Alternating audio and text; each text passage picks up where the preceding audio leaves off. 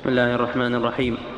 الحمد لله رب العالمين وصلى الله وسلم على عبده ورسوله نبينا محمد وعلى آله وأصحابه أجمعين. قال المؤلف رحمه الله تعالى وهم مع كفرهم هذا لا يندفع عنهم التناقض فإنه معلوم بالحس والعقل أن هذا ليس هو ذاك. بسم الله الرحمن الرحيم. الحمد لله والصلاة والسلام على رسول الله. ما زال الكلام في مناقشة الشيخ رحمه الله لاهل وحدة الوجود فيقول لهم إن مذهبهم يخالف الحس والعقل كما هو مخالف للشرع فمعلوم انقسام الكون إلى خالق ومخلوق و والمخلوقات أيضا مختلفة فليس الكلب هو الفيل وليس الخنزير هو الشاة والعنز وليس كل شيء مختلف عن الآخر. فكيف يقال إن الكون شيء واحد ولا ينقسم؟ وهذا هو التوحيد. معلوم أن هذا غير ذاك في كل شيء. المخلوقات أولا الخالق والمخلوق ثانيا المخلوقات. لا شك أنها مختلفة ومتفاوتة. وليست شيئا واحدا. فلا يقبل هذا عقل من عقول البشر. ولكن الضلال والعياذ بالله إذا أخذ في عقول الناس جاءوا بالغرائب. ولا يأنفون من أنهم يخالفون العقول والفطر. فضلا عن أنهم يخالفون الشرائع والوحي المنزل. فهذا كفر ما بعده كفر. كفر أهل وحدة الوجود ليس بعده كفر هم أكفر أهل الأرض. نعم.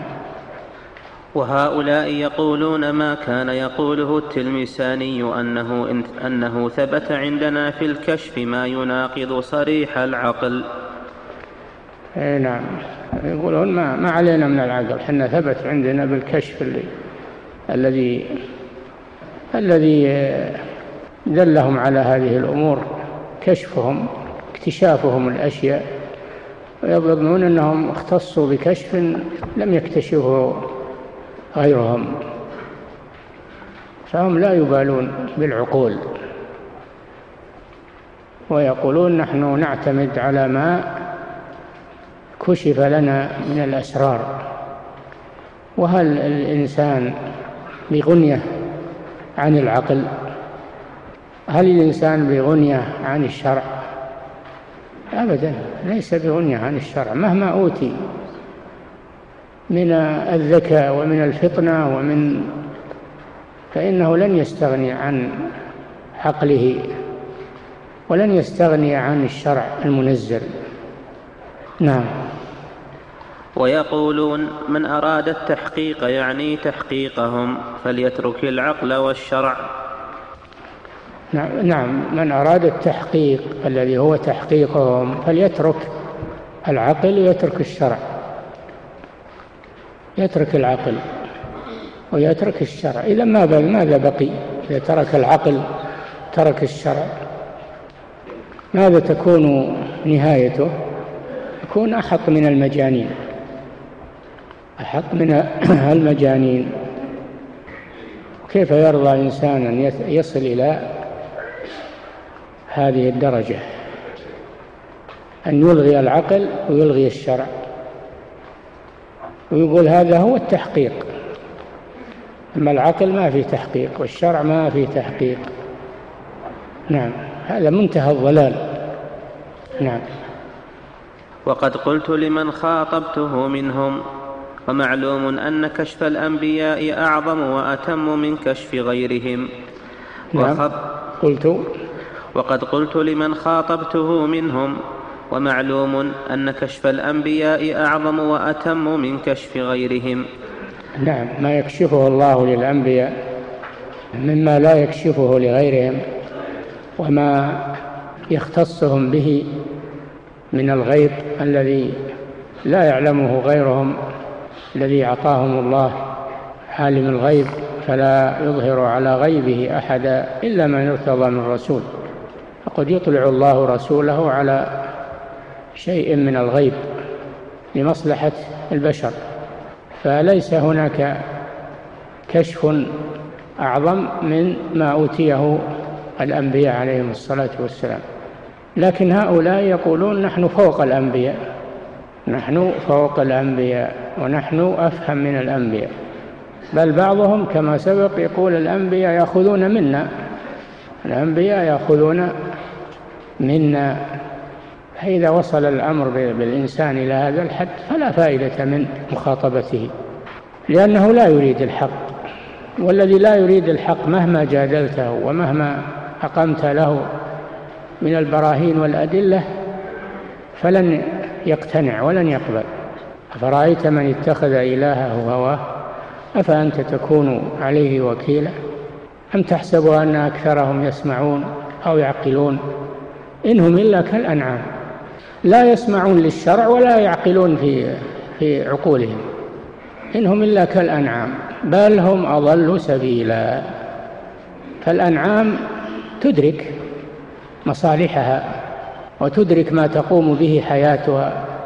أما هؤلاء فقد هبطوا عن مستوى الأنعام السائمة. نعم. بل هم أضل سبيلا. نعم. وقد قلت لمن خاطبته منهم ومعلوم أن كشف الأنبياء أعظم وأتم من كشف غيرهم وخبرهم أصدق من خبر غيرهم. والأنبياء صلوات لأن, لأن الأنبياء لا يأتون بشيء من عندهم. أو يعتمدون على عقولهم ومداركهم وإنما الأنبياء يتلقون عن الله سبحانه وتعالى وحيه وأمره ونهيه فهم أعظم الخلق أعظم الخلق علما وأعظمهم كشفا وأعظمهم عقولا وما جاءوا بهذا الذي جاء به أهل وحدة الوجود. نعم. والأنبياء صلوات الله وسلامه عليهم يخبرون بما تعجز عقول الناس عن معرفته لا بما يعرف الناس بعقولهم أنه ممتنع. نعم الأنبياء يأتون بما يحير العقول ولا يأتون بما يخالف العقول السليمة ولهذا للشيخ كتاب من أعظم كتبه فيه موافقة العقل للشرع. وقال العقل الصريح لا يخالف النقل الصحيح. العقل الصريح السليم لا يخالف النقل الصحيح. فإن اختلف العقل والنقل فلا بد إما أن النقل غير صحيح وإما أن العقل غير صريح. هذه قاعدة. فالأنبياء ما جاءوا بما يخالف العقول قد جاءوا بما تعجز عنه العقول ولا تدركه العقول. أما أنهم يأتون بشيء يخالف العقول السليمة فهذا لن يكون أبدا. نعم. فيخبرون عليهم السلام بمحارات العقول. لا يحيرها بمحارات العقول يعني ما يحيرها. أمور الآخرة وأمور لا تدركها العقول. نعم. فيخبرون عليهم السلام بمحارات العقول لا بمحالات العقول. لا بما لا, بما لا تجيزه العقول. لا يأتون بشيء لا تجيزه العقول. لكن يأتون بشيء تتحير فيه العقول. لأن العقول مخلوقة قاصرة.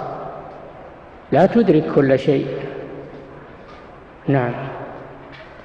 ويمتنع أن يكون في أخبار الرسول صلى الله عليه وسلم ما يناقض صريح العقول. هذا هذا معنى القاعدة. موافقة العقل الصريح للنقل الصحيح. لا يختلفان أبدا.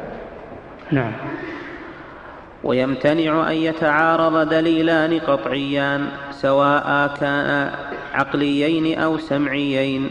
أو كان أحدهما عقليا والآخر سمعيا. لا يتعارض دليلان صحيحان أبدا. أبدا ما يتعارض. الأدلة الصحيحة ما تتعارض. لكن العقل قد يعجز عن توفيق بينها وهي في نفس الأمر لا تتعارض أبدا. نعم. فكيف بمن يدعي؟ ولا ولا نعم. ويمتنع أن يتعارض دليلان قطعيان سواء قطعيان. دليلان قطعيان.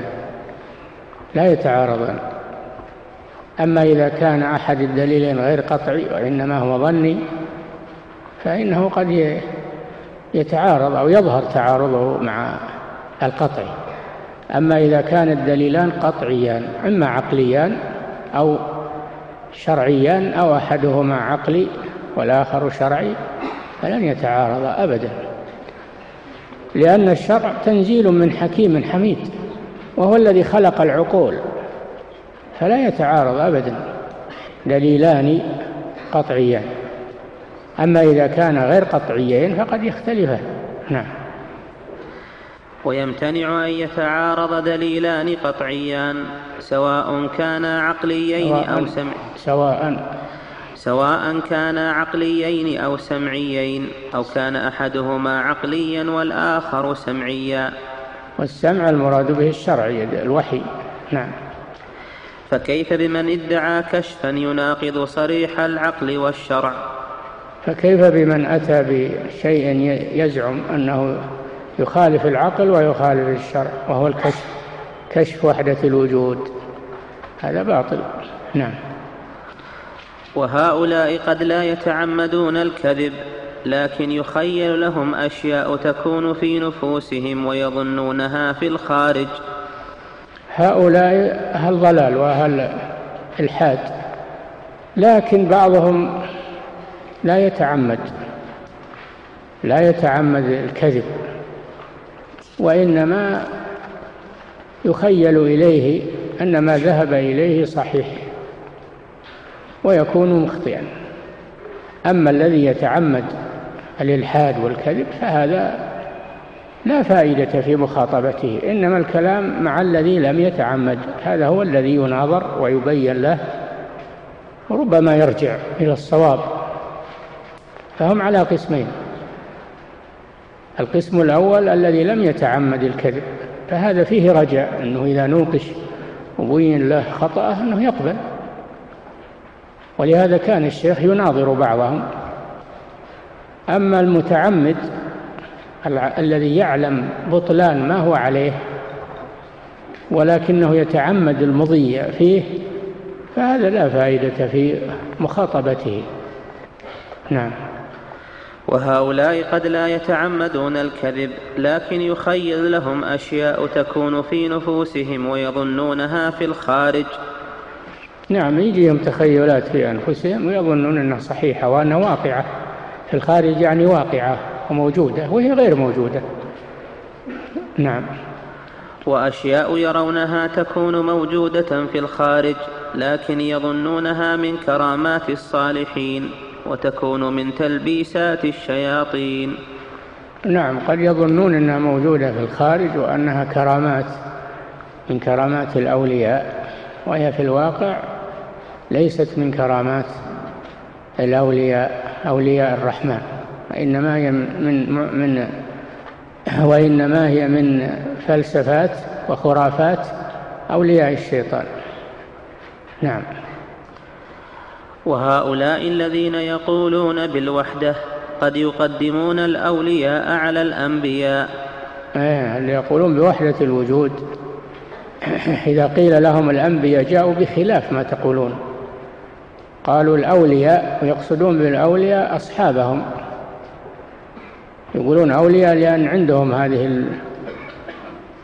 هذه الشبهات ومخاريق الشيطان.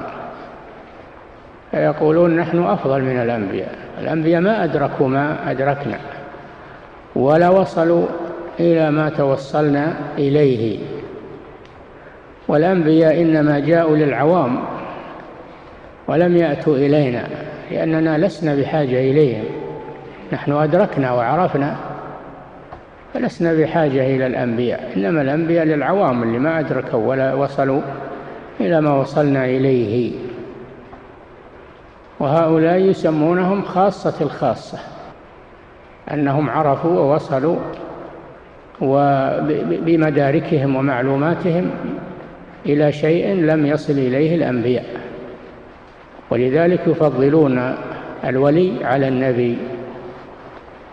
فيقولون مقام النبوة في برزخ فويق الرسول ودون الولي دون الولي.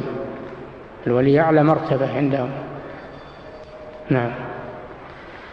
وهؤلاء الذين يقولون بالوحدة قد يقدمون الأولياء على الأنبياء.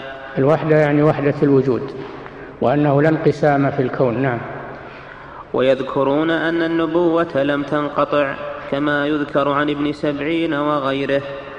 يقولون النبوة ما, ما, ما لم تنقطع وليس محمدا صلى الله عليه وسلم هو خاتم النبيين بل النبوة مستمرة إلى يوم القيامة يبعث الله أنبياء. ففتحوا الباب للكذابين. والمدعين للنبوة. نعم. ويجعلون المراتب ثلاثة. يقولون العبد يشهد أولا طاعة معصية ثم طاعة بلا معصية ثم لا طاعة ولا معصية. يقولون ويجعلون المراتب ثلاثة. يتدرج فيها ويترقى. نعم. يقولون العبد يشهد أولا طاعة معصية. طاعة ومعصية. نعم. يقولون العبد يشهد أولا طاعة ومعصية. هذا عندكم بالواو؟ نعم. أي بالواو. نعم. يقولون العبد يشهد أولا طاعة ومعصية. هذه أول مرتبة. نعم. ثم طاعة وهذه مرتبة العوام. هذه مرتبة العوام اللي يفرقون بين الطاعة والمعصية. نعم. ثم طاعة بلا معصية. ثم طاعة بلا معصية. يقولون كل ما يفعله الإنسان فهو طاعة لأنه إن عصى أمره فقد أطاع قدره. إن عصى الأمر فقد أطاع القدر فهو مطيع لله على كل حال. أصبحت منفعلا لما يختاره مني ففعلي كله طاعات نعم. ثم طاعة بلا معصية ثم لا طاعة ولا معصية. ثم يتحرر يتحرر الإنسان عندهم. هذا أعلى الدرجات وهو في الحقيقة أسفل الدرجات يقولون هذا أعلى الدرجات اللي ما يشهد طاعة ولا معصية. تحرر مرة وليس لأحد عليه أمر ولا نهي. نعم. والشهود الأول هو الشهود الصحيح. وهو الفرق بين الطاعات والمعاصي. لكن هذا يقولون مرتبة العوام واللي ما يميزون وأتباع الأنبياء اللي يفرقون بين الطاعة والمعصية. نعم. وهو الصحيح. هو عندهم ما هو هو الصحيح. لكن في الواقع أنه هو الصحيح. لابد أن, أن الأفعال تكون بعضها طاعة وبعضها معصية. فليس السجود والتسبيح والتهليل مثل الزنا والسرقة وشرب الخمر. نعم. وأما الشهود الثاني فيريدون به شهود القدر. أي نعم. يقولون القدر الشرع والقدر شيء واحد. الشرع والقدر شيء واحد. فالإنسان إذا فعل شيئا فإن كان مخالفا للشرع فهو مطيع للقدر. مطيع للقدر. نعم. فهو مطيع لله.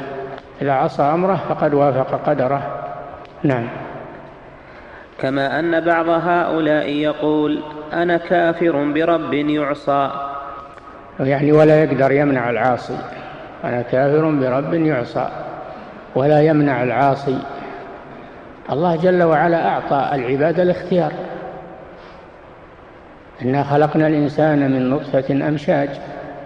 فجعلناه سميعا بصيرا سميع وبصير يميز بين الأشياء إما شاكرا وإما كفورا. هو الذي خلقكم فمنكم كافر ومنكم مؤمن لأن الله أعطى العباد القدرة والمشيئة والاختيار. فهم يفعلون بمشيئتهم الطاعة ويفعلون بمشيئتهم واختيارهم المعصية. ليسوا مجبرين على فعل على فعلهم. الإنسان باستطاعته يصلي ويذهب إلى المسجد وباستطاعته يذهب إلى الخمارة ويشرب الخمر باستطاعته هذا. الله أعطاه هذا ورتب على أفعاله الجزاء الثواب والعقاب. نعم. كما أن بعض هؤلاء يقول أنا كافر برب يعصى. اي نعم لأن لأن ما فيه رب يعصى. كل ما يصدر من المخلوق فهو طاعة له. فلا معصية ولا طاعة. نعم. وهذا يزعم أن المعصية مخالفة الإرادة التي هي المشيئة. اي نعم مخالفة القدر. المعصية مخالفة القدر. وهذا أحد يخالف القدر ما يستطيع أحد يخالف القدر. نعم. وهذا يزعم أن المعصية مخالفة الإرادة التي هي المشيئة. المشيئة الكونية القدر. نعم. والخلق كلهم داخلون تحت حكم المشيئة. القدرية لأن ما في مشيئة شرعية المشيئة كلها قدرية. خلاف الإرادة إرادة الله فمنها ما هو قدري ومنها ما هو شرعي. نعم. يقول شاعرهم أصبحت منفعلا لما تختاره. يختاره بالياء. أي نعم. أصبحت منفعلا لما يختاره. مني ففعلي كله طاعات. أي نعم ما في معصية وطاعة. أنا أفعل بموجب القدر. فأكون مطيعا على كل حال. إن زنى وإن صلى. كل طاعة. لأنه موافق للقدر. نعم. أصبحت منفعلا لما يختاره. مني ففعلي كله طاعات. نعم. ومعلوم أن هذا خلاف أن ويقول آخر وكل كلام في الوجود كلامه يعني كلام الله سواء علينا نثره أو نظامه. يعني النثر والنظم كله كلام الله والكذب والصدق كل كلام الله تعالى الله عما يقوله. نعم. ومعلوم أن هذا خلاف ما أرسل الله به رسله وأنزل به كتبه. بلا شك. أن الله فرق بين القدر وبين الشرع. كي سيأتي قوله تعالى ألا له الخلق والأمر بينهما فرق الخلق والأمر. نعم. فإن المعصية التي يستحق صاحبها فإن المعصية التي يستحق صاحبها الذم والعقاب. الله فرق؟ نعم. قبل. نعم. ومعلوم أن هذا خلاف ما أرسل الله به رسله وأنزل. به كتبه. نعم. بالفرق بين المعصية والطاعة. نعم. فإن المعصية التي يستحق صاحبها الذم والعقاب مخالفة أمر الله ورسوله صلى الله عليه وسلم. المعصية مخالفة الأمر الشرعي. الله أمر بالطاعة وأمر بالعبادة وأمر بصلة الأرحام وأمر ببر الوالدين. هذا الأمر الشرعي. أما القدري فهذا لا حجة فيه لأحد. هذا فعل الرب سبحانه ونحن لا نخاصم الرب ونجادل الرب إنما نجادل أنفسنا ونحاسب أنفسنا لماذا فعلت كذا ولماذا تركت كذا. فأنت لا تجعل آه، نقاشك مع رب العالمين وإنما تجعل نقاشك ومحاسبتك مع نفسك. لماذا فعلت كذا؟ لماذا تركت كذا؟ وأنا أقدر على فعله وأقدر على ترك كذا؟ لماذا ضيعت وقتي؟ وأنا مأمور بحفظه؟ هكذا. أنت حاسب نفسك. اشتغل بمحاسبة نفسك. ولا تشتغل بالقضاء والقدر ومحاسبة القضاء والقدر. نعم. هذا شأن الله جل وعلا. نعم. فإن المعصية التي يستحق صاحبها الذم والعقاب مخالفة أمر الله ورسوله صلى الله عليه وسلم كما قال تعالى تلك حدود الله ومن يطع الله ورسوله يدخله جنات تجري من تحتها الأنهار خالدين فيها وذلك الفوز العظيم. ومن يعص الله ورسوله ويتعد حدوده يدخله نارا خالدا فيها وله عذاب مهين. حدوده محارمه حدوده محارمه التي حدها لعباده فلا تتعدى. ومن يتعدى حدود الله تلك حدود الله ومن يتعدى حدود الله فأولئك هم الظالمون. المحرمات. وأيضا حدود الله هي المباحات. حدود الله التي هي المحرمات لا تقرب. تلك حدود الله فلا تقربوها وأما المباحات فهي لا تتعدى. تلك حدود الله فلا تعتدوها. من يتعدى حدود الله فأولئك هم الظالمون. نعم. وسنذكر الفرق بين الإرادة الكونية والدينية والأمر الكوني والديني. نعم. الإرادة إرادتان إرادة كونية وهي التي يخلق الله بها الأشياء ويوجد بها الأشياء وهذه لا بد من وقوعها لا بد من وقوعها. أما الإرادة الشرعية فهي الأمر والنهي والله يريد أن يتوب عليكم ويريد الذين يتبعون الشهوات أن تميلوا ميلا عظيما يريد الله أن يخفف عنكم وخلق الإنسان ضعيفا. هذه إرادة شرعية. وهذه الإرادة الكونية ليس من لازمها المحبة. فقد يريد الله شيئا وهو لا يحبه لكن لحكمة والابتلاء والامتحان. وأما الشرعية فإن الله يحبها ولا يرضى لعباده الكفر. إن تشكروا يرضه لكم.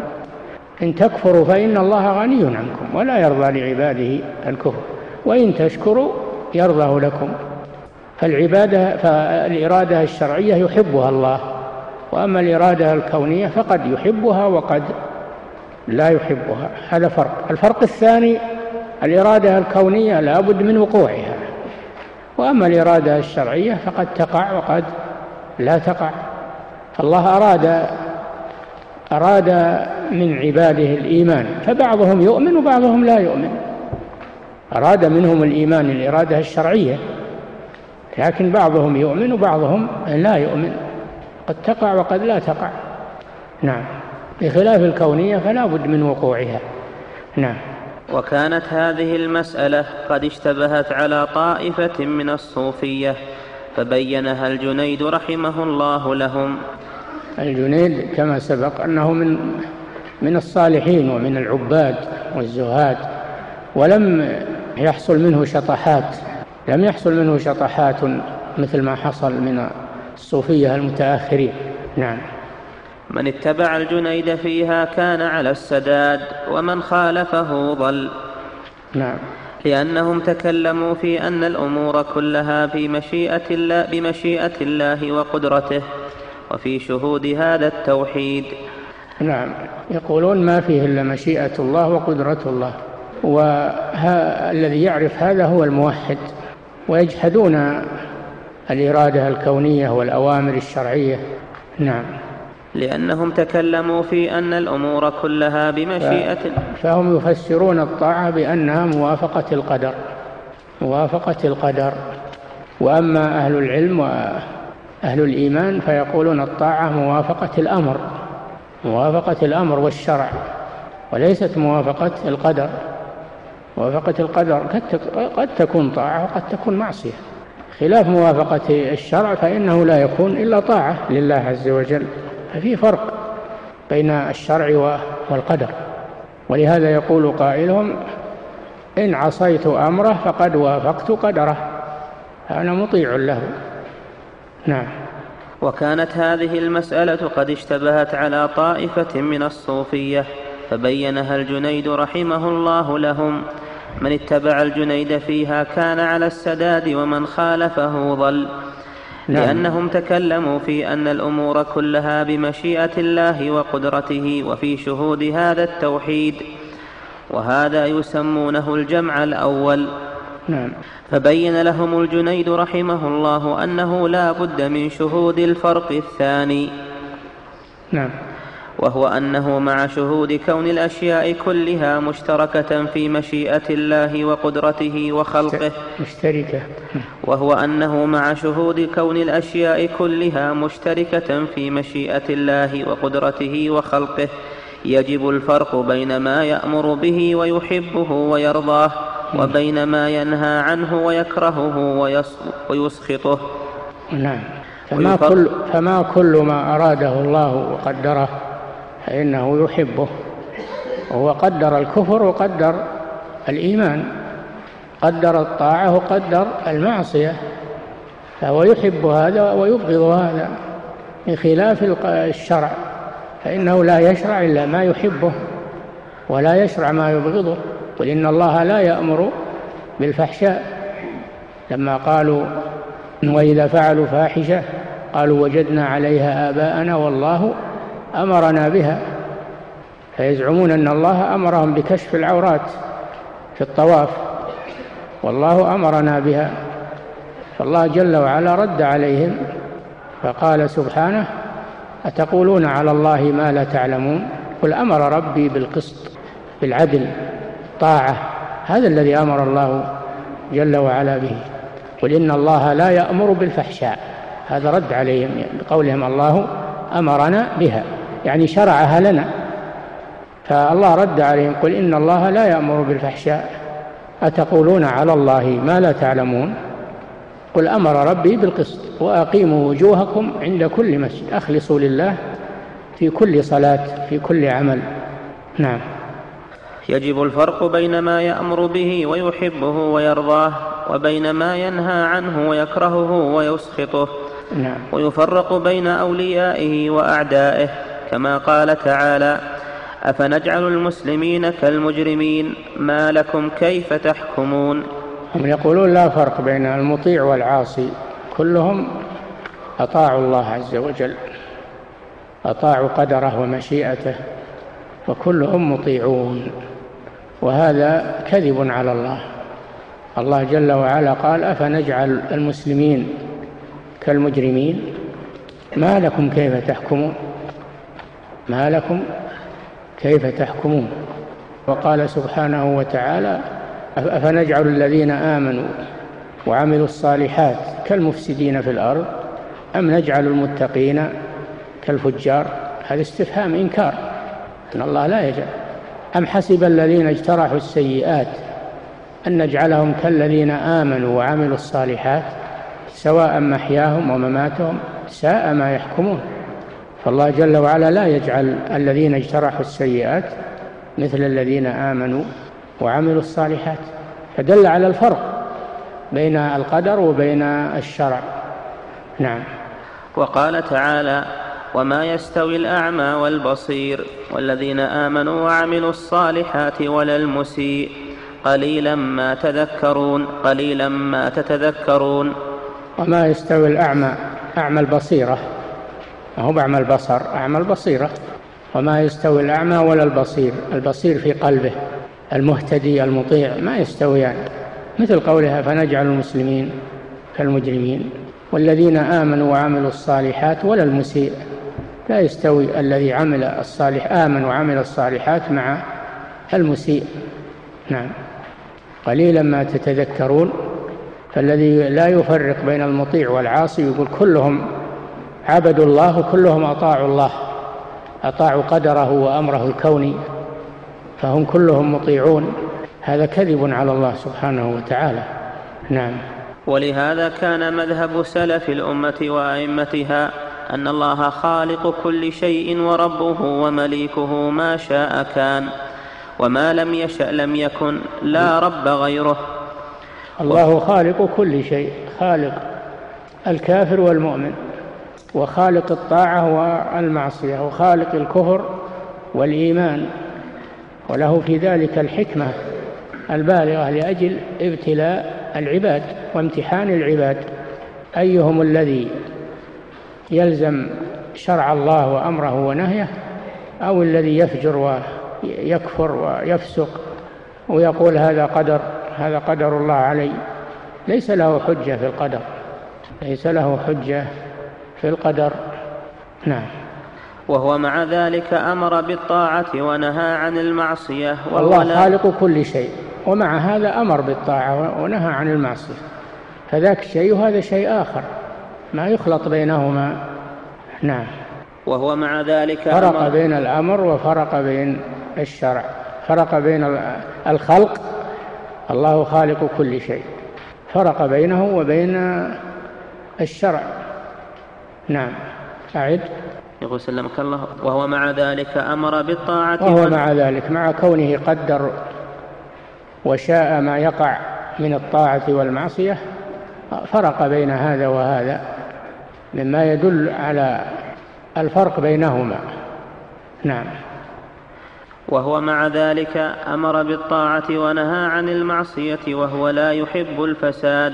مع كونه قضى وقدر كل ما يقع في الكون من خير أو شر فهو مع ذلك أمر بطاعته ونهى عن معصيته فدل على الفرق بين الأمرين الذي من قبل الله والذي من قبل العباد.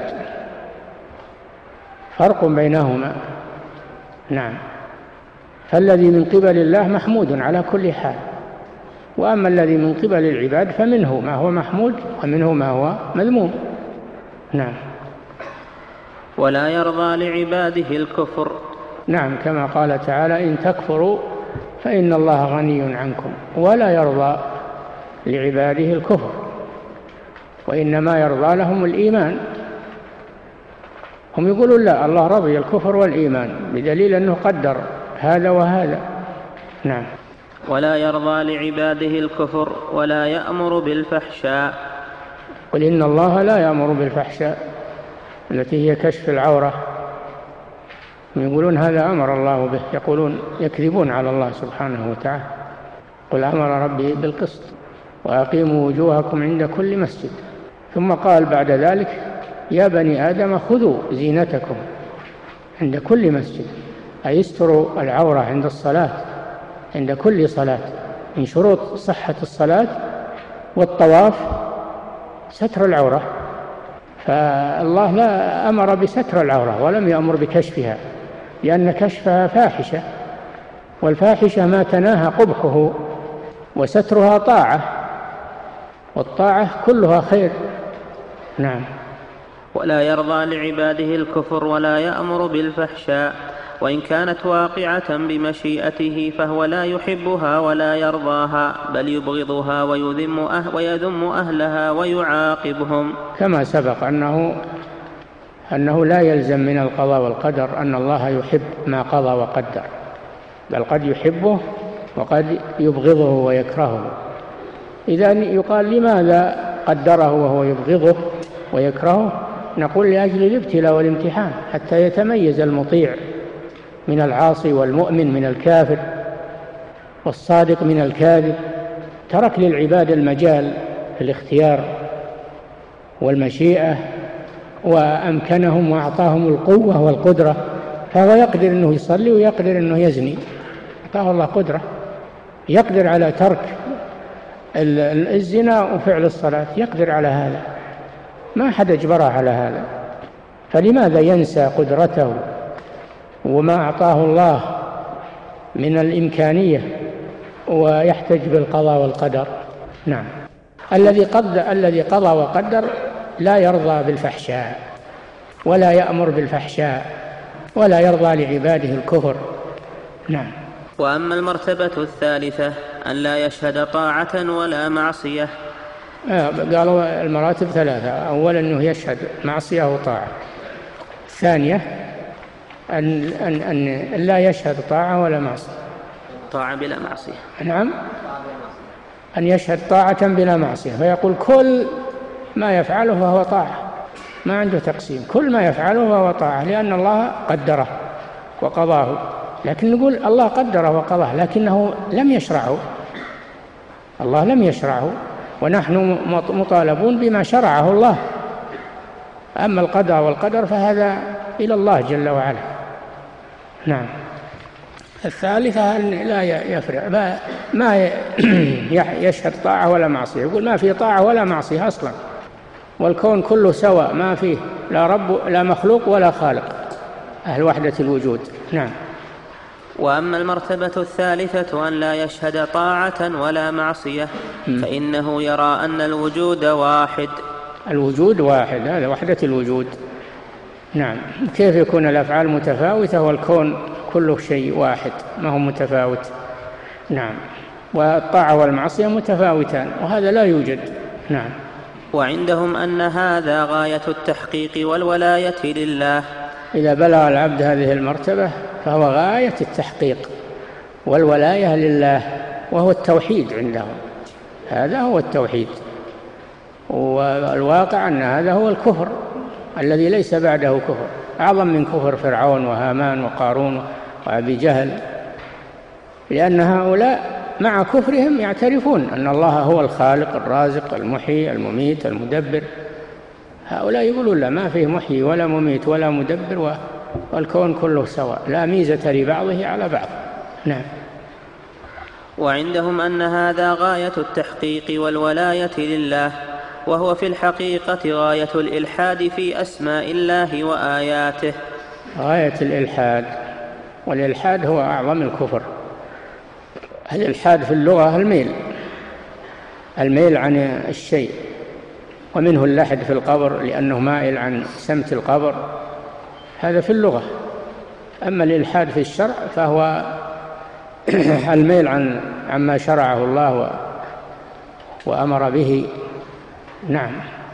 وهو في الحقيقة غاية الإلحاد في أسماء الله وآياته وغاية العداوة لله. فإن صاحب هذا المشهد يتخذ اليهود والنصارى وسائر الكفار أولياء. نعم. هذه المصيبة الآن هذا هذا واقع الآن. يقولوا لا تفرقون بين يهود ونصارى ومسلمين. كلهم أهل ديان وكلهم آه، يعبدون الله وكلهم أتباع للأنبياء يكذبون على الله سبحانه وتعالى. بعد بعثة محمد صلى الله عليه وسلم ما فيه نبي إلا هو عليه الصلاة والسلام. انتهت الشرائع. ما في شريعة إلا شريعة محمد صلى الله عليه وسلم. فهم يقولون أهل, أهل وحدة الوجود يقولون كله سواء اليهودي والنصراني والمسلم. كلهم مطيعون لله. كلهم مطيعون لله. هذه مصيبة. فقول هؤلاء الذين يطنطنون الآن بتقارب بين الأديان تشبه قول أهل وحدة الوجود أنه لا تمايز بين دين الإسلام ودين اليهود ودين النصارى وأنهم كلهم إخوان كلهم إخوان. نعم. ولذلك بعضهم سمعته ويزعم أنه من الدعاة إلى الله يقول إخواننا المسيحيون. إخواننا المسيحيون. أعوذ بالله. نعم. فإن صاحب هذا المشهد يتخذ اليهود والنصارى وسائر الكفار أولياء. لأنه ما في فرق بين هذا وهذا. كلهم بل ما فيه مسلم وكافر. ما فيه عندهم مسلم وكافر. لأن الكون كله واحد. ما فيه مسلم وكافر. نعم. وقد قال تعالى ومن يتولهم منكم فإنه منهم. يا أيها الذين آمنوا لا تتخذوا اليهود والنصارى أولياء. تحبونهم وتناصرونهم. بعضهم أولياء بعض. ومن يتولهم منكم أي يحبهم ويناصرهم ويسوغ ما هم عليه يقول إنهم على حق. ومن يتولهم منكم فإنه منهم. يصبح يهودي أو نصراني. لأنه لم يفرق بين الكفر والإيمان. فهو مثل أهل وحدة الوجود ما يفرقون بين الطاعة والمعصية والكفر والإيمان. ومن يتولهم منكم فإنه منهم. إن الله لا يهدي القوم الظالمين. نعم. ولا لا يهدي القوم الظالمين. شوف الظالمين بسبب ظلمهم. منعهم الله من الهداية بسبب ظلمهم عقوبة لهم. وأما المؤمنين فإن الله المؤمنون فإن الله يهديهم لأنهم أرادوا الهداية وطلبوها و... نعم. ولا يتبرأ من الشرك والأوثان فيخرج عن ملة إبراهيم الخليل صلوات الله وسلامه عليه. نعم ولا يفرق بين الكفر والإيمان كما فرقت ملة إبراهيم. وإبراهيم تبرأ من الكفار حتى من أبيه لما تبين له أنه عدو لله تبرأ منه. فلا بد من الولاء والبراء في الإسلام. موالاة المؤمنين والبراءة من المشركين. أما اللي كلهم عنده سواء المسلمون والكافرون وكلهم إخوان اليهود والنصارى والمسلمون فهذا ما عنده ولا وبراء نعم. قال الله تعالى قد كانت لكم أسوة حسنة في إبراهيم والذين آمنوا معه إذ قالوا لقومهم إنا براء منكم ومما تعبدون من دون الله كفرنا بكم وبدا الذين آمنوا معه فيه آمنوا. ما فيه آمنوا نعم. عفى الله عنك.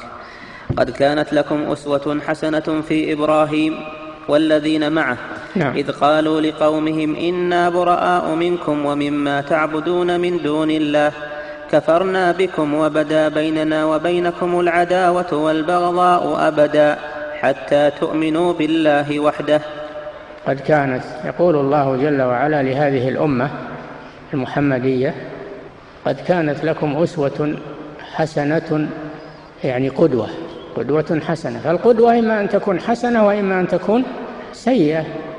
قدوة في الخير أو قدوة في الشر.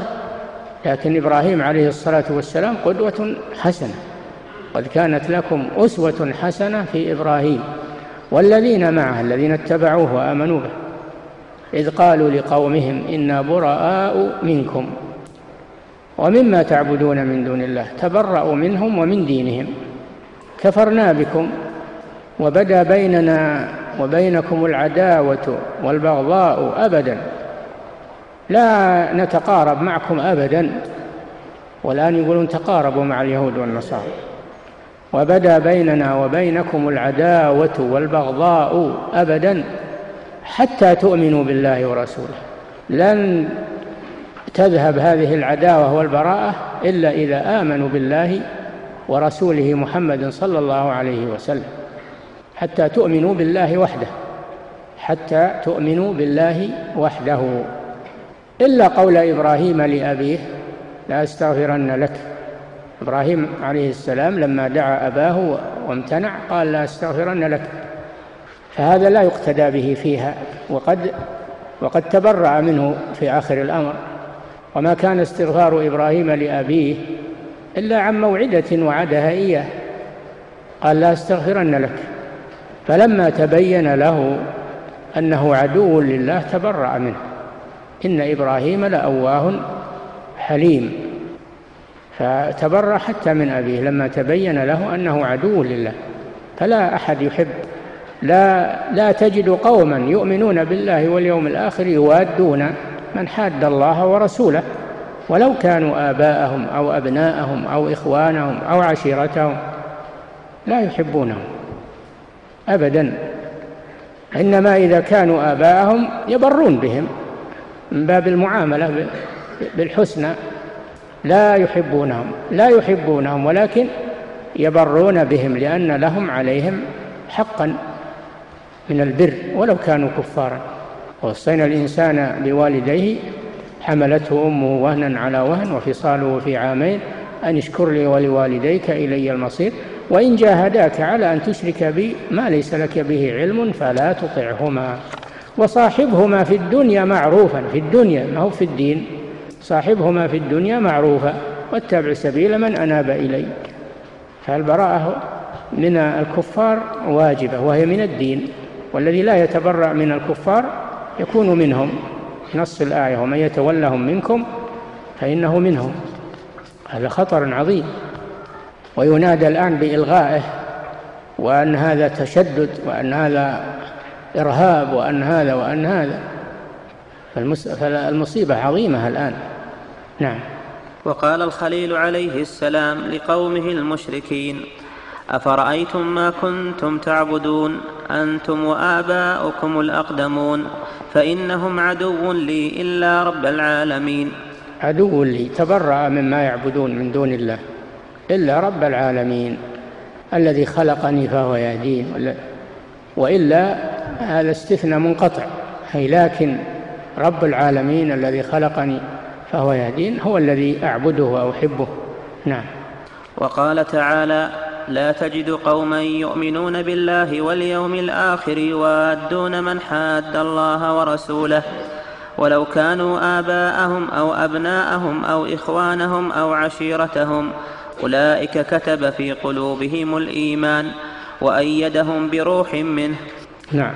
وهذه الآية أيضا تنفي أن يكون مؤمن بالله ورسوله يحب الكفار ولو كانوا أقرب الناس إليه لأنهم لما كانوا أعدى لله عاداهم فلما تبين له أنه عدو لله تبرأ منه لا تتخذوا عدوي وعدوكم أولياء تسرون إليهم بالمودة نعم وهؤلاء قد صنف بعضهم كتبا وقصائد على مذهبه مثل نعم. قصيدة ابن الفارض المسماة نعم. ألفوا كتبا في وحدة الوجود منهم ما مر بكم كتب ابن عربي آه، الفتوحات المكية وصوص الحكم ومنهم من من نظم على مذهبهم منظومة كابن الفارض آه، في منظومة السلوك التي يصرح فيها بأنه لا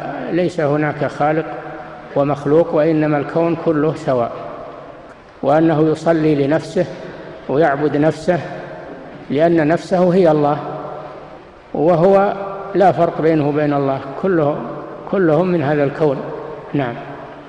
وهؤلاء قد صنف بعضهم كتبا وقصائد على مذهبه. على مذهب وحدة الوجود. منها كتب ابن عربي ومنها منظومة ابن الفارض المسمات نظم السلوك. ابن الفارض هذا من من أهل وحدة الوجود من أتباع ابن عربي. قصيدته التائية مطبوعة ومتداولة وتنشر ويعتنى بها الآن تشرح عند هؤلاء. نعم. مثل قصيدة ابن الفارض المسماة بنظم السلوك. نعم. يقول فيها لها صلاتي بالمقام أقيمها. لها يعني نفسه. ما هي لله صلاة لأن كله هو الله كل الدنيا هي الله. نعم فأنا أصلي لنفسي لأنني أنا الله. نعم. لها صلاتي بالمقام أقيمها. صلاتي ولا صلواتي؟ صلواتي. نعم. لها صلواتي بالمقام أقيمها وأشهد فيها أنها لي صلتي. أنها لي صلتي أن نفسي صلت لي. ما ما في صلاة لله وإنما صلت له هو لأنه هو الله ولا فرق بينه وبين الله لأن الكون كله مظهر واحد. نعم. كلانا مصل واحد ساجد إلي. كلانا مصل واحد ساجد إلى حقيقته بالجمع في كل سجدة. نعم هو يسجد لنفسه. يسجد لنفسه لأنه هو الله. نعم. وما ويعبد, كان ويعبد نفسه. نعم. لأنه لو قال يعبد الله صار في فرق بينه وبين الله. ولا فرق هو الله وحده. نعم. وما كان لي صلى سوائي ولم تكن. أه؟ وما كان لي صلى سوائي. سواي نعم. أحسن وما كان لي صلى سواي ولم تكن صلاتي لغيري في أداء كل ركعتي أي نعم هو يصلي يعبد نفسه لأنه هو الله. نعم ما في خالق ومخلوق. نعم. إلى أن قال وما زلت إياها وإياي لم تزل ولا فرق بل ذاتي لذاتي أحبتي. نعم. إلي رسولا كنت, من كنت مني مرسلا. وذاتي بآياتي علي استدلتي. الرسل الرسل ما هم ما, ما هم من الله الرسل منه إليه رسوله إليه لأنه هو الله. ولا في عبد ورب ما في عبد ورب هو الشيء كله واحد. فالرسل منه وإليه نعم. فإن دعيت فإن دعيت كنت المجيب وإن أكن منادي أجابت من دعاني ولبتي. وهو الداعي وهو المجيب. ما فيها رب يدعى ويجيب. هو الداعي وهو المجيب لنفسه. نعم. إلى أمثال هذا الكلام.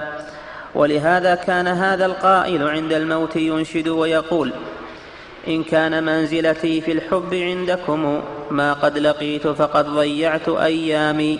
لما حضره الموت هذا الرجل وهذا الناظم لما حضره الموت ورأى الملائكة تريد قبض روحه أدرك خطأه. أدرك خطأه وأنه على ضلال. لكن ما ما ينفعه ذلك. كل كافر عند الموت كل كافر عند الموت يعترف بكفره وخطئه. لكن ما ينفعه ذلك. فات الأوان وإلا إذا انكشف الأمر حضرت الملائكة كل يعلم خطأه. الكفار والملحدون وكلهم يعلمون أنهم عباد وأن لهم ربا يرجعون إليه.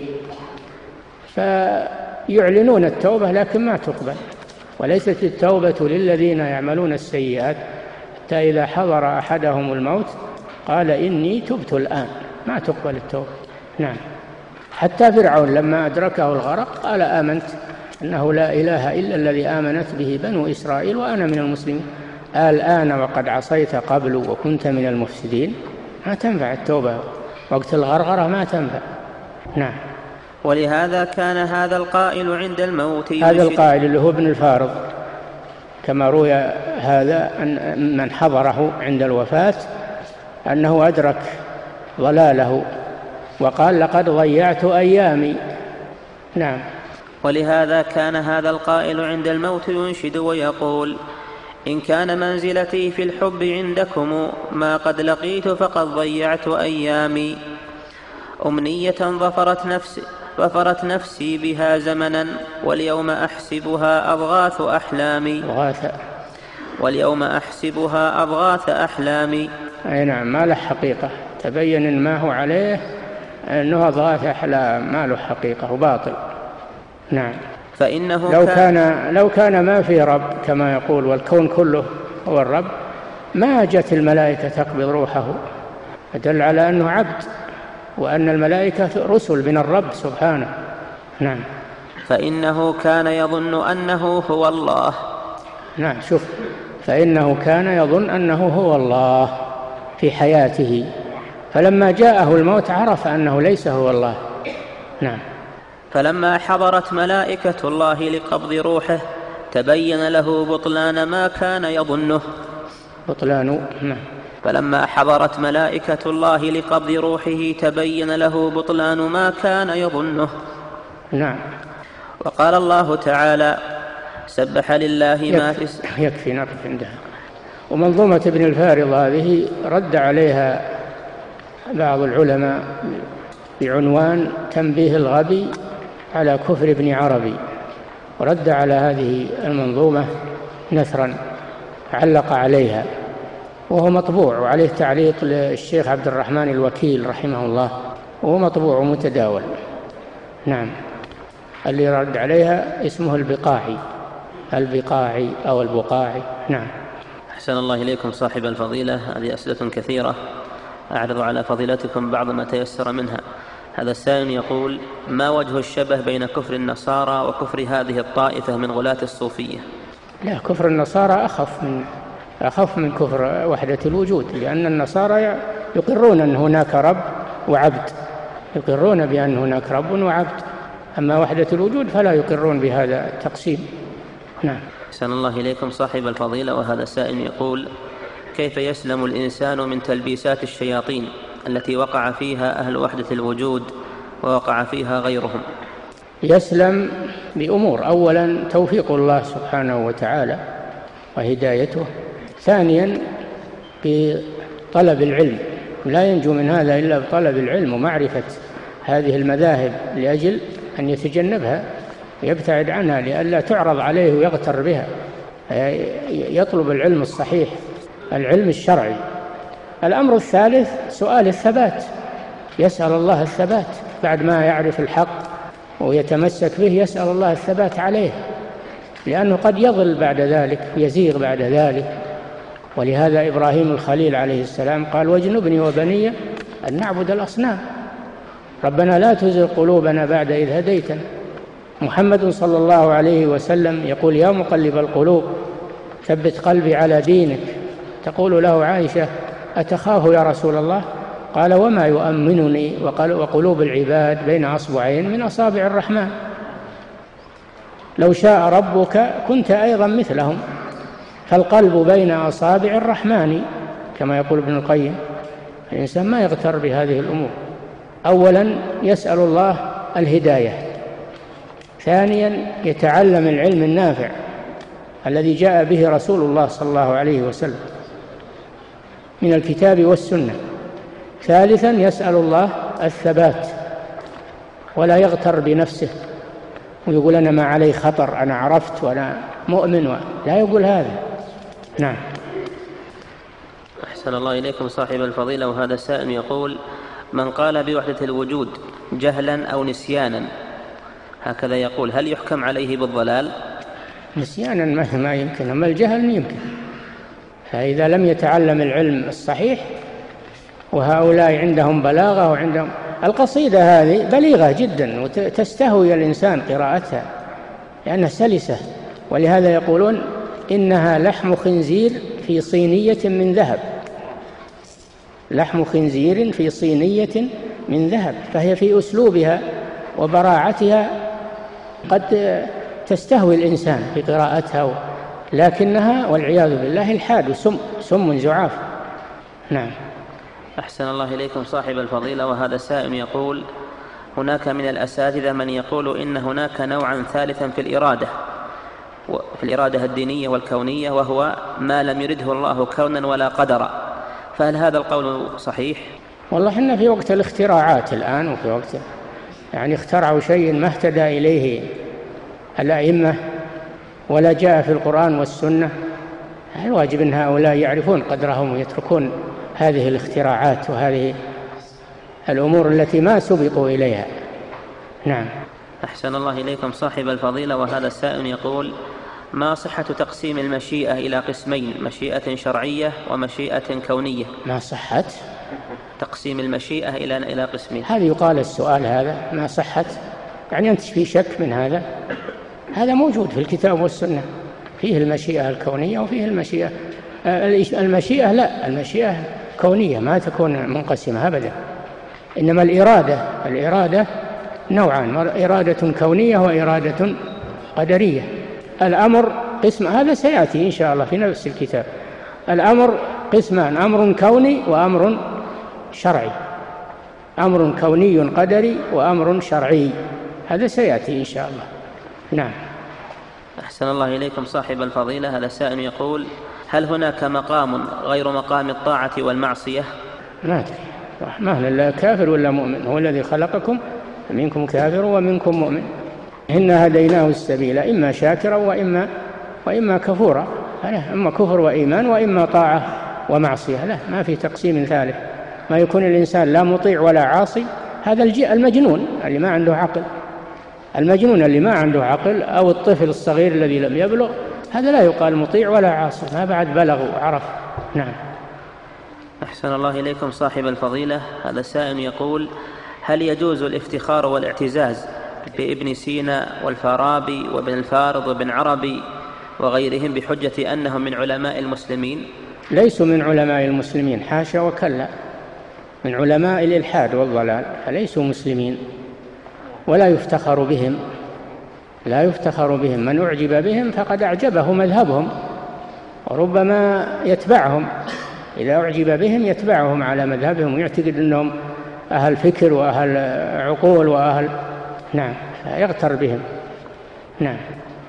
أحسن الله إليكم صاحب الفضيلة. وهذا سائل يقول إذا كانت الطاعة والمعصية عندهم كلها طاعة فلمن خلق الله تعالى عذابه النار عندهم؟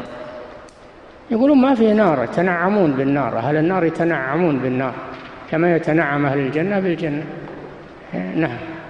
أحسن الله إليكم صاحب وخلهم يتنعمون بهم خلهم يتنعمون به شوفون هي, هي نعيم. نعم. أحسن الله إليكم صاحب الفضيلة وهذا سائل يقول هل قول القائل الله ربي لا أريد سواه وهل في, الحقيقة وهل في الوجود حقيقة إلا هو؟ هل هو موافق لقول أهل وحدة الوجود؟ هذا كلام ما هو بسليم. الله ربي لا أريد سواه هذا صحيح لكن إيش يقول البيت الآخر؟ وهل في الوجود حقيقة إلا هو؟ لا هذا هذا قول وحدة الوجود. هذا يحتمل أنه قال وحدة الوجود ويحتمل معنى آخر وهو أن أن أنه لا إله إلا يعني لا إله ولا معبود إلا هو كما يقولون معنى لا إله إلا الله أي لا معبود إلا الله. هذا ما هو هذا باطل لأن في الكون معبودات كثيرة لكن لا إله حق أو لا إله بحق إلا الله سبحانه وتعالى. فلا معبود بحق إلا الله وما عداه فهو معبود بالباطل. نعم. أحسن الله إليكم صاحب الفضيلة وهذا السائل يقول علمنا أنه لا يجوز أن نقول للمسيحيين إخواننا. فكيف نقول في قول الله تعالى وإلى مدين أخاهم شعيبا؟ هذا في النسب. وإلى مدين أخاهم شعيب وإلى ثمود أخاهم صالحا هذا في النسب. لأن الله يبعث الرسول من نفس القبيلة أو, أو الأمة لأجل أن يبين لهم. وما أرسلنا من رسول إلا بلسان قومه ليبين لهم. لو جاءهم واحد ما يعرفونه ما ما تقبلوا منه. لكن إذا جاءهم وهو ابن عمهم وأخوهم في النسب وعرفوا نشأته وعرفوا صدقه وأمانته يصير ما لهم عذر في في قبول ما جاء به. أم لم يعرفوا رسولهم فهم له منكرون. فالله يبعث في كل جيل وفي كل أمة يبعث لها رسولا منها. نعم. يعرفونه. نعم. أحسن الله إليكم صاحب الفضيلة وهذا السائل يقول هناك من يقوم بعمل دورات بعنوان كيف تحفظ أسماء الله الحسنى وذلك بطريقة الربط الذهني فما هو أس... يقول هناك من يقوم بعمل دورات بعنوان كيف تحفظ أسماء الله الحسنى بطريقة الربط الذهني. ربط؟ أي نعم. وش الربط الذهني؟ تعرف أسماء الله بتدبرها. وفهم معناها. أما الربط الذهني ما أدري وش الربط الذهني. ما أدري وش الربط الذهني وهذا مثل ما قلت لكم. الآن الاختراعات كثيرة وصار ناس ما يتقيدون بمذهب السلف وما عليه العلماء والأئمة إنما يحدثون أشياء من عندهم. إنما يحدثون أشياء من عندهم. في أظن ما أدري شيء حدث وهو العصبي ما أدري شو. البرمجة العصبية. البرمجة العصبية. أخاف من هذه. نعم. أحسن الله إليكم صاحب الفضيلة وهذا السائل يقول يوجد عندنا في قريتنا خارج المملكة رجل يؤذي الناس بالسحر. وولاة الأمور لا يأخذون على أيدي أمثال هؤلاء. فهل يجوز لنا أن نقتله ونخلص الناس من شره؟ لا لكن ردوا عليه وأبطلوا أبطلوا سحره وكيده وحذروا الناس منه. أما القتل إنما هو للسلطة. لو قتلتموه حصلت فتنة حصل سفك دماء ربما يقوم عصبته وأتباعه يحصل فتنة. نعم. فمن لم يستطع فبلسانه أنكروا باللسان وبينوا حذروا منه. نعم. أحسن الله إليكم صاحب الفضيلة وهذا السائل يقول إذا لم أستطع صلاة الاستسقاء إلا في المدرسة مع الطلاب وذلك لضيق الوقت حيث إن مدير المدرسة قرر أن صلاة الاستسقاء ستقام في المدرسة هذا الاثنين فهل أصلي معهم أم لا؟ والله نحن لا نأمرهم ولا ننهاهم. لا نأمرهم ولا ننهاهم. هذا على مسؤوليتهم. هم صلاة الاستسقاء وصلاة العيد وصلاة الجمعة هذه يجتمع لها المسلمون. ما يتفرقون. ما يتفرقون في المدارس والبيوت. مطلوب الاجتماع والخروج لصلاة الاستسقاء. ويجتمع المسلمون ويدعون جميعا. ولا يتفرقون. هذا هو الأصل. نعم. أحسن الله إليكم صاحب الفضيلة وهذا السائل يقول متى يقلب المصلي للاستسقاء رداءه؟ هل بعدما يقف ويدعو أم قبل إذا قلب؟ الإمام لما حول الرسول صلى الله عليه وسلم رداءه حول الناس أرضيتهم فإذا حول الإمام رداءه فالمأمومون يحولون أرضيته نعم. أحسن الله إليكم صاحب الفضيلة وهذا سائل يقول ما حكم تصغير اسم عبد العزيز إلى عزيز أو عزوز؟ وعبيد عبد الله يقولون عبيد وعبد الرحمن دحيم أو هذه كلها ما ينبغي هذا هذا لا ينبغي. نعم. أحسن الله إليكم صاحب الفضيلة وهذا سائل يقول هل القرين من الجن يعلم حديث النفس؟ الله أعلم. هذا لا يعلمه إلا الله وقد يطلع الله عليه من يشاء من عباده ما ندري. نعم. أحسن الله إليكم صاحب الفضيلة هذا السائل يقول ما هي الكتب التي توجهوننا بقراءتها في موضوع الولاء والبراء في الإسلام؟ لأنها مسألة قد كثر الكلام فيها ونطلب فيها بيان الحق. الكتاب الذي قرئ عليكم في هذا المسجد الدلائل للشيخ سليمان بن عبد الله بن الشيخ محمد بن عبد الوهاب فيه الولاء والبراء هو دلائل دلائل الولاء والبراء. كذلك رسالة للشيخ حمد بن عتيق جمع فيها أدلة الولاء والبراء من الكتاب والسنة وهي رسالة قيمة ومطبوعة في الدرر السنية وفي مجموعة التوحيد ومطبوعة منفردة أيضا. نعم. أحسن الله إليكم صاحب الفضيلة وهذا سائل يقول في هذه الأيام يفتح معرض الكتاب ونريد منكم حفظكم الله أن تبينوا واجب طلاب العلم تجاه بعض الكتب التي تحتوي على شبهات وشهوات. وما هي الطريقة المثلى لإنكارها لكي يكون هناك انضباط؟ طريقة أنكم تمشون مع في في المعرض وترصدون كل ما فيه من الكتب آه التي لا يسوغ أو لا يجوز ترويجها وتكتبونها بأسمائها وبعدين ترفعونها للمسؤولين إما لدار الإفتاء وإما للمسؤولين الذين يستطيعون الأخذ على أيدي هؤلاء. نعم